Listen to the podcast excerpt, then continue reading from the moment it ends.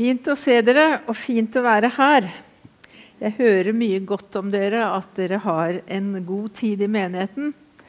Og det er vi glad for. Gud velsigne dere. Noen ganger så kan man stille seg spørsmålet hvor troverdig det er, vitnesbyrdet om Jesus. Det er noen ganger en kan tenke liksom Var det sånn? Hvordan var det? Og nå går vi inn i adventstida og jul. Og personlig syns jeg det er en veldig god tid med mye forventning og glede. Det er dessverre ikke alle som har det sånn, men jeg håper at ja, mange har det sånn at det er en tid da vi minnes hva som skjedde da Jesus kom. Men eh, det er jo ikke bare en historie, og det er ikke bare en eh, en, eh, noen rollespill eller noen julespill på skole eller i barnehage eller uh, sanger som lyder i kjøpesenteret. Det var jo noe som skjedde. Og når jeg lurer noen ganger på hvor troverdig er det, så syns jeg det er så bra å gå til noen av de vitnene og se nærmere på de som levde nær Jesus. For det står jo, det er jo de som bar vitnesbyrdet videre. Og det var ikke en rollebesetning den gangen for et julespill eller et eventyr. Det var noe som skjedde med virkelige mennesker. Av kjøtt og blod som levde et liv og et hverdagsliv. Og noe hendte som fikk konsekvenser også for oss som sitter her i dag. Vi har fasiten, vi har hele historien. Men de hadde ikke det. Og jeg, De var mennesker under samme vilkår som oss, alle sammen. De levde gode dager og dårlige dager, tvil og tro, sykdom og helse. Og alt som hører et menneskeliv til. Og jeg har lyst til å trekke fram et menneske som ikke vi så ofte taler om. Og jeg har lyst til å tale om Maria, Jesu mor. Katolikken er jo veldig opptatt av Maria, og kanskje som en sånn motvekt til katolske kirkes vektlegging av Maria, så har vi kanskje under, underkjent å snakke om henne. Hun blir på en måte bare en som sitter med Jesusbarnet eller gråter ved korset. Og mitt mål for denne talen er at du skal kjenne at, at vitnesbyrdet om Jesus er troverdig og at du skal også forstå som forstå mer uh, av det, at det som skjedde da via Maria, er noe som brakte Gud inn i verden på en helt spesiell måte. Og hans nærvær vibrerer i verden i dag pga. det som skjedde med, gjennom denne kvinnen.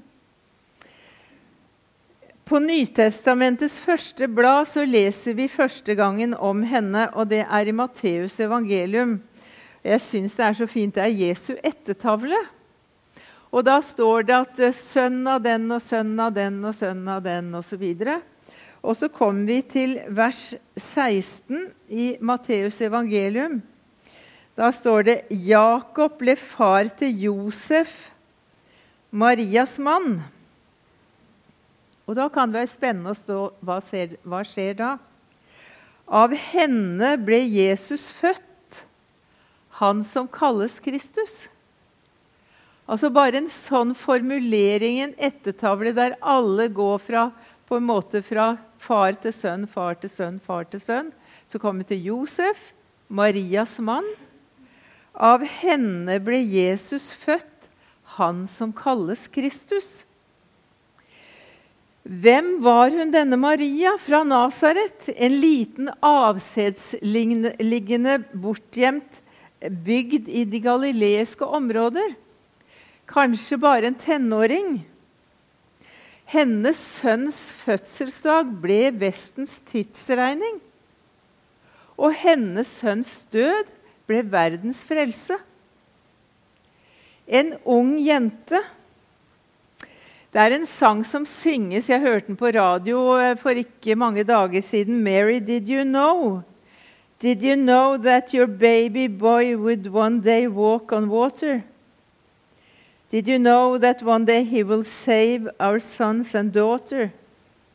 that your son you delivered will soon deliver you. Maria, visste du at en dag så skulle din sønn gå på vannet? At han skulle frelse våre sønner og døtre?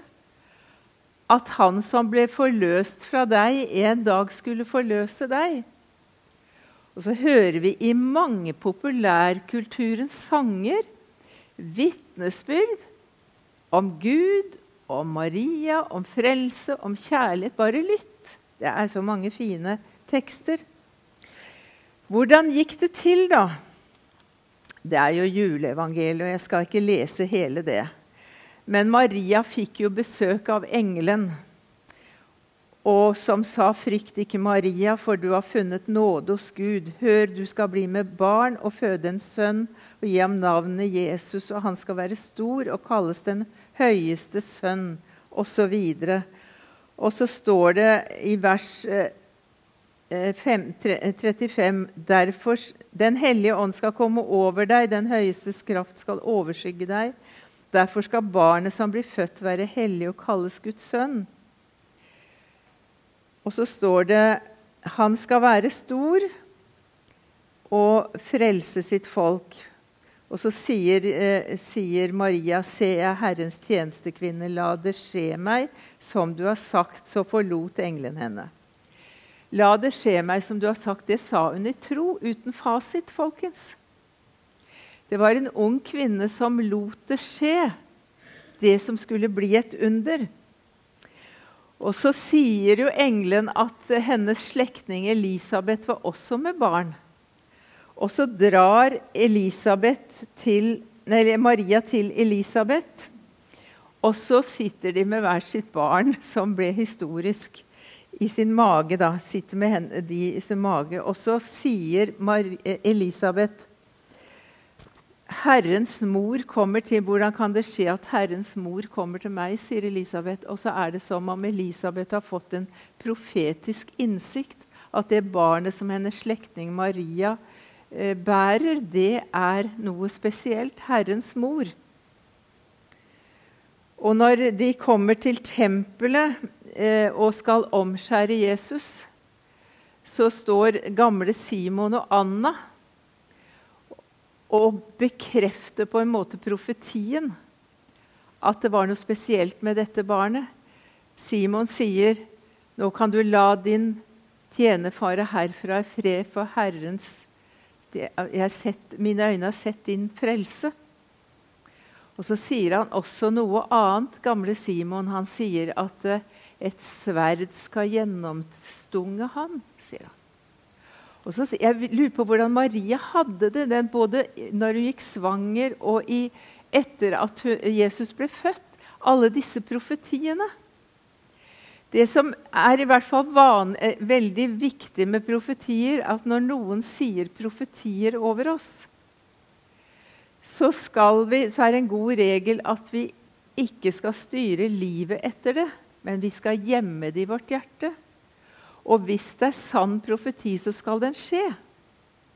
Du vet, Det er veldig lett at noen sier å, jeg profeterer at du skal gjøre det, og du skal ikke gjøre det, og du skal gifte deg med den, og du skal ikke det, osv. Man kan bli styrt av profetier.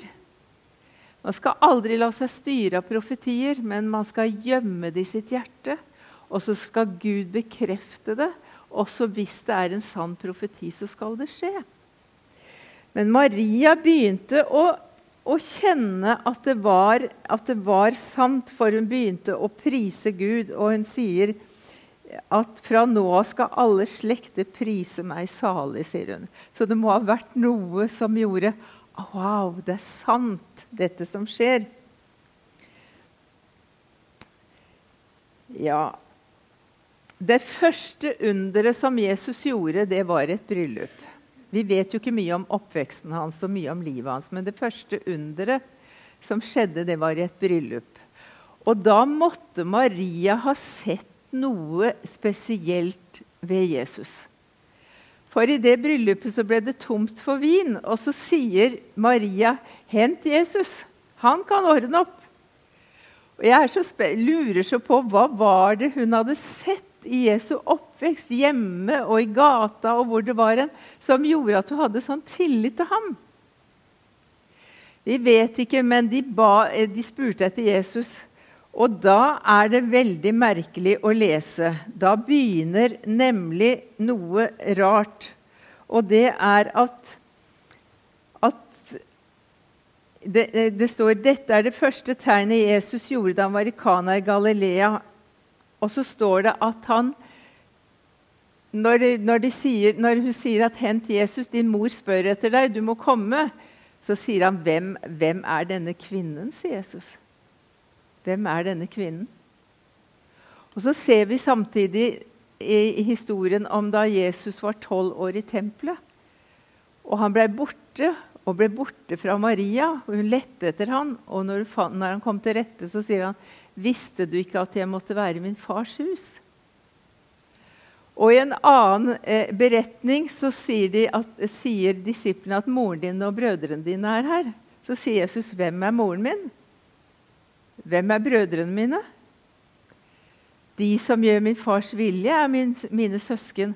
Og så ser vi noe i mor-sønn-forholdet som vi kjenner igjen, vi som voksne og som har barn.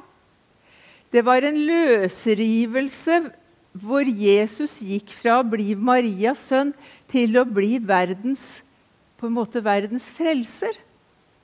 Og jeg syns det er så rart å tenke på at denne hellige eh, Jesus da, og den hellige Maria måtte gå gjennom noe av det samme. Jeg er helt sikker på at Maria var forvirra og lei seg. For et barn må bli selvstendig, et barn må løsrive seg. Og også Jesus, det står at han ble prøvd i alle ting, sånn som oss. Og det er så menneskelig å tenke på at han på en måte skjøv Maria litt vekk. Og det bruker jeg å si at når det gjelder voksne og, eller foreldre og barn, så er det foreldrenes ansvar å slippe barnet. Å slippe barnet fri til å bli seg selv og gjøre de oppgaver og leve det livet som det barnet er ment å leve. Det kunne ikke være veldig lett for Maria å kjenne at han gikk en en annen vei. Det å være en mor og se at barnet ditt velger en vei hun ikke forsto. Skulle bli verdensfrelst. Hvordan var det for Maria? Eller å se et barn som ble mobbet, som ble trakassert, som måtte lide. Det måtte være ganske voldsomt. Da Maria var villig til å slippe taket og la kjærlighetens maktesløshet råde og Det er også et apropos til oss at vi må la kjærlighetens maktesløshet råde når det gjelder barna våre. Vi må slippe taket og stole på at Gud har sin vei med hvert enkelt menneske. Og at vi ikke bryter inn og ødelegger den planen og den veien som Gud har for hvert enkelt menneske. Maria sa ja til gleden over, over, å føde Guds sønn, men hun sa samtidig ja til sorgen og smerten. Hun måtte ta noe av det tyngste. Hadde ikke Simon forresten sagt at et sverd skulle gå gjennom hans hjerte? Kanskje hun husket på det da. Hvorfor jeg stresser det, er fordi at hvis det ikke var sant at, at engelen hadde kommet til Maria, så hadde Maria kunnet avslørt det som en bløff når hun så hvor fælt sønnen hadde. Jeg syns Maria, Jesu mor, er det mest troverdige vitnet i hele evangeliet. For hun kunne ha sagt nei, nå holder det, jeg vet at det var naboen, eller jeg vet det var en annen. Det var ikke en engel, det var bare en bløff. Men hun sto i det intense, folkens, for du visste det var sant. Og det er et vitnesbyrd så kraftig, for hun orket å fullføre det oppdraget som hun hadde fått, å være tro mot det budskapet, den profetien. Og det gjorde at Jesus også kunne gå sitt løp. I Crystal Cathedral i California jeg vet ikke, jeg tror ikke det er noen kirke der lenger nå, Glasskatedralen, hvor eh, Robert Schiller hadde sånne store møter. Der var Asbjørn og jeg på et påskespill, som det het, i, i 1990. Eh, det var et fantastisk spill. Der satt Pontius Pilatus oppe på den store scenen med en levende tiger som han satt og fora med, med biff. Og det var engler som eh, fløy under tak i sånne vaiere. Det var ikke engler, det var kledd ut som engler. Og det var en stor hest som først kom ridende inn i midtgangen. Det var helt fantastisk. Det var imponerende, men det som grep meg i hjertet, det var Maria, hun som spilte Maria. Maria sang. Hun sang 'Var det ingen vei, annen vei, Gud?' var det ingen annen vei. Og så, og så, så gråt hun så sårt, så sang hun Han er min sønn også. Han er min sønn også.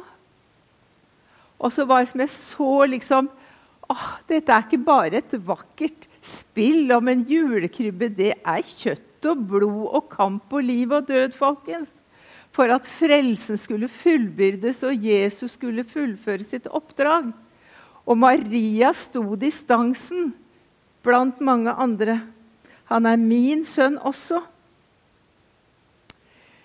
Og hun sto ved Jesu kors.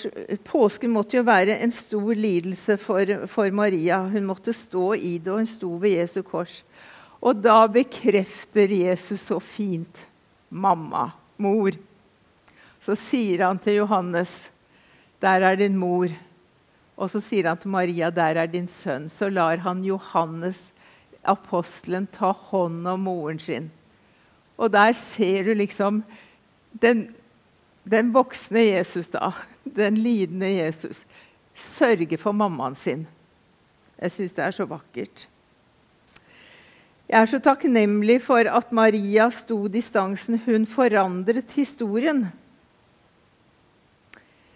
at hun gjennomførte oppdraget sitt, og hun er vårt viktigste vitne, folkens. For hun vet hvordan hun ble gravid.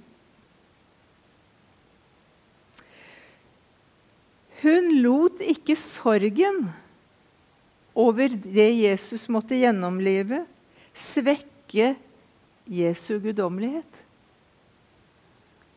Hun lot ikke den lidelsen Jesus måtte gjennomlide, svekke Jesu guddommelighet.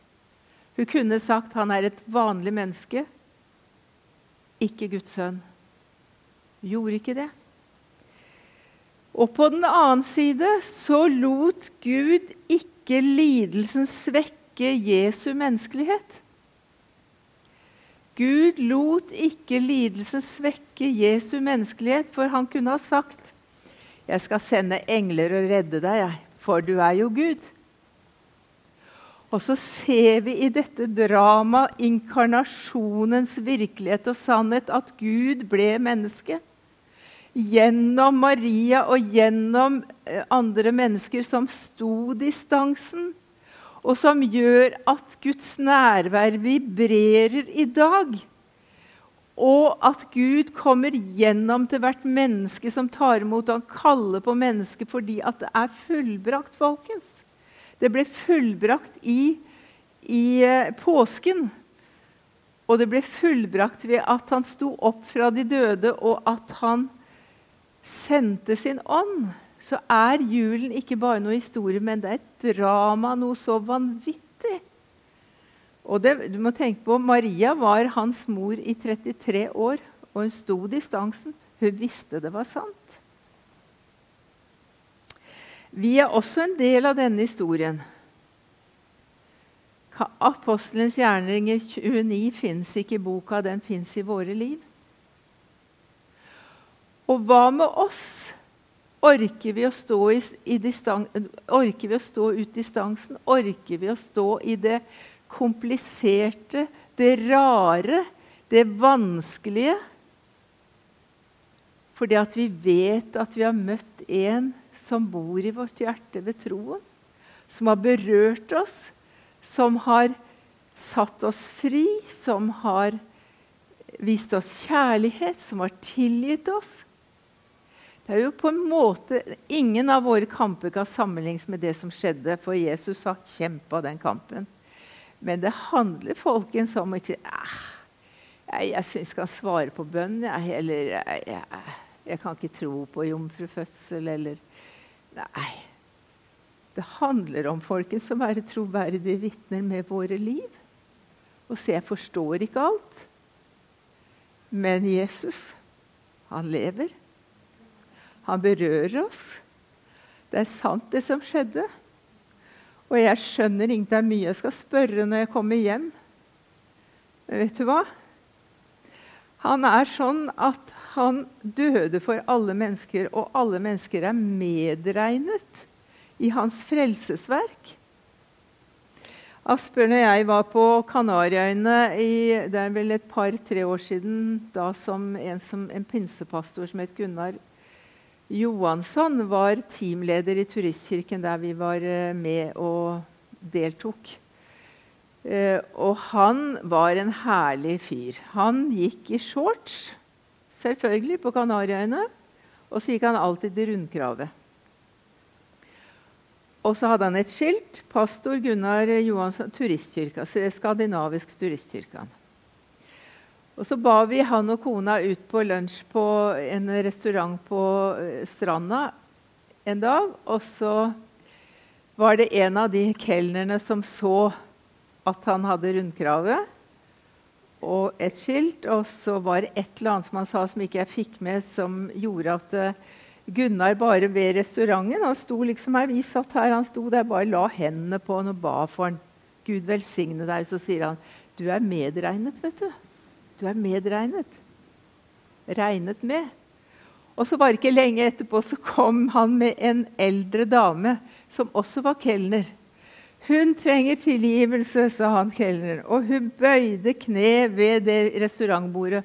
Han la sine hender på du er så inkludert i Guds frelsesplan. Du er så medregnet. Og jeg tenker, Det åpner på en måte dører å ikke si ja, er du med eller ikke. Vet du, Alle mennesker er medregnet i Guds frelsesplan. De må bare finne veien hjem. De må finne den tilhørigheten, for det Jesus gjorde, var så enormt stort. Og hvis vi går ut i verden på PP-senter eller Downtown eller Arkaden eller hvor det er en, med den opplevelsen at 'jeg forstår ikke alt, jeg kan ikke redegjøre for alt', men jeg har møtt en som er Guds sønn, og som er verdens frelser.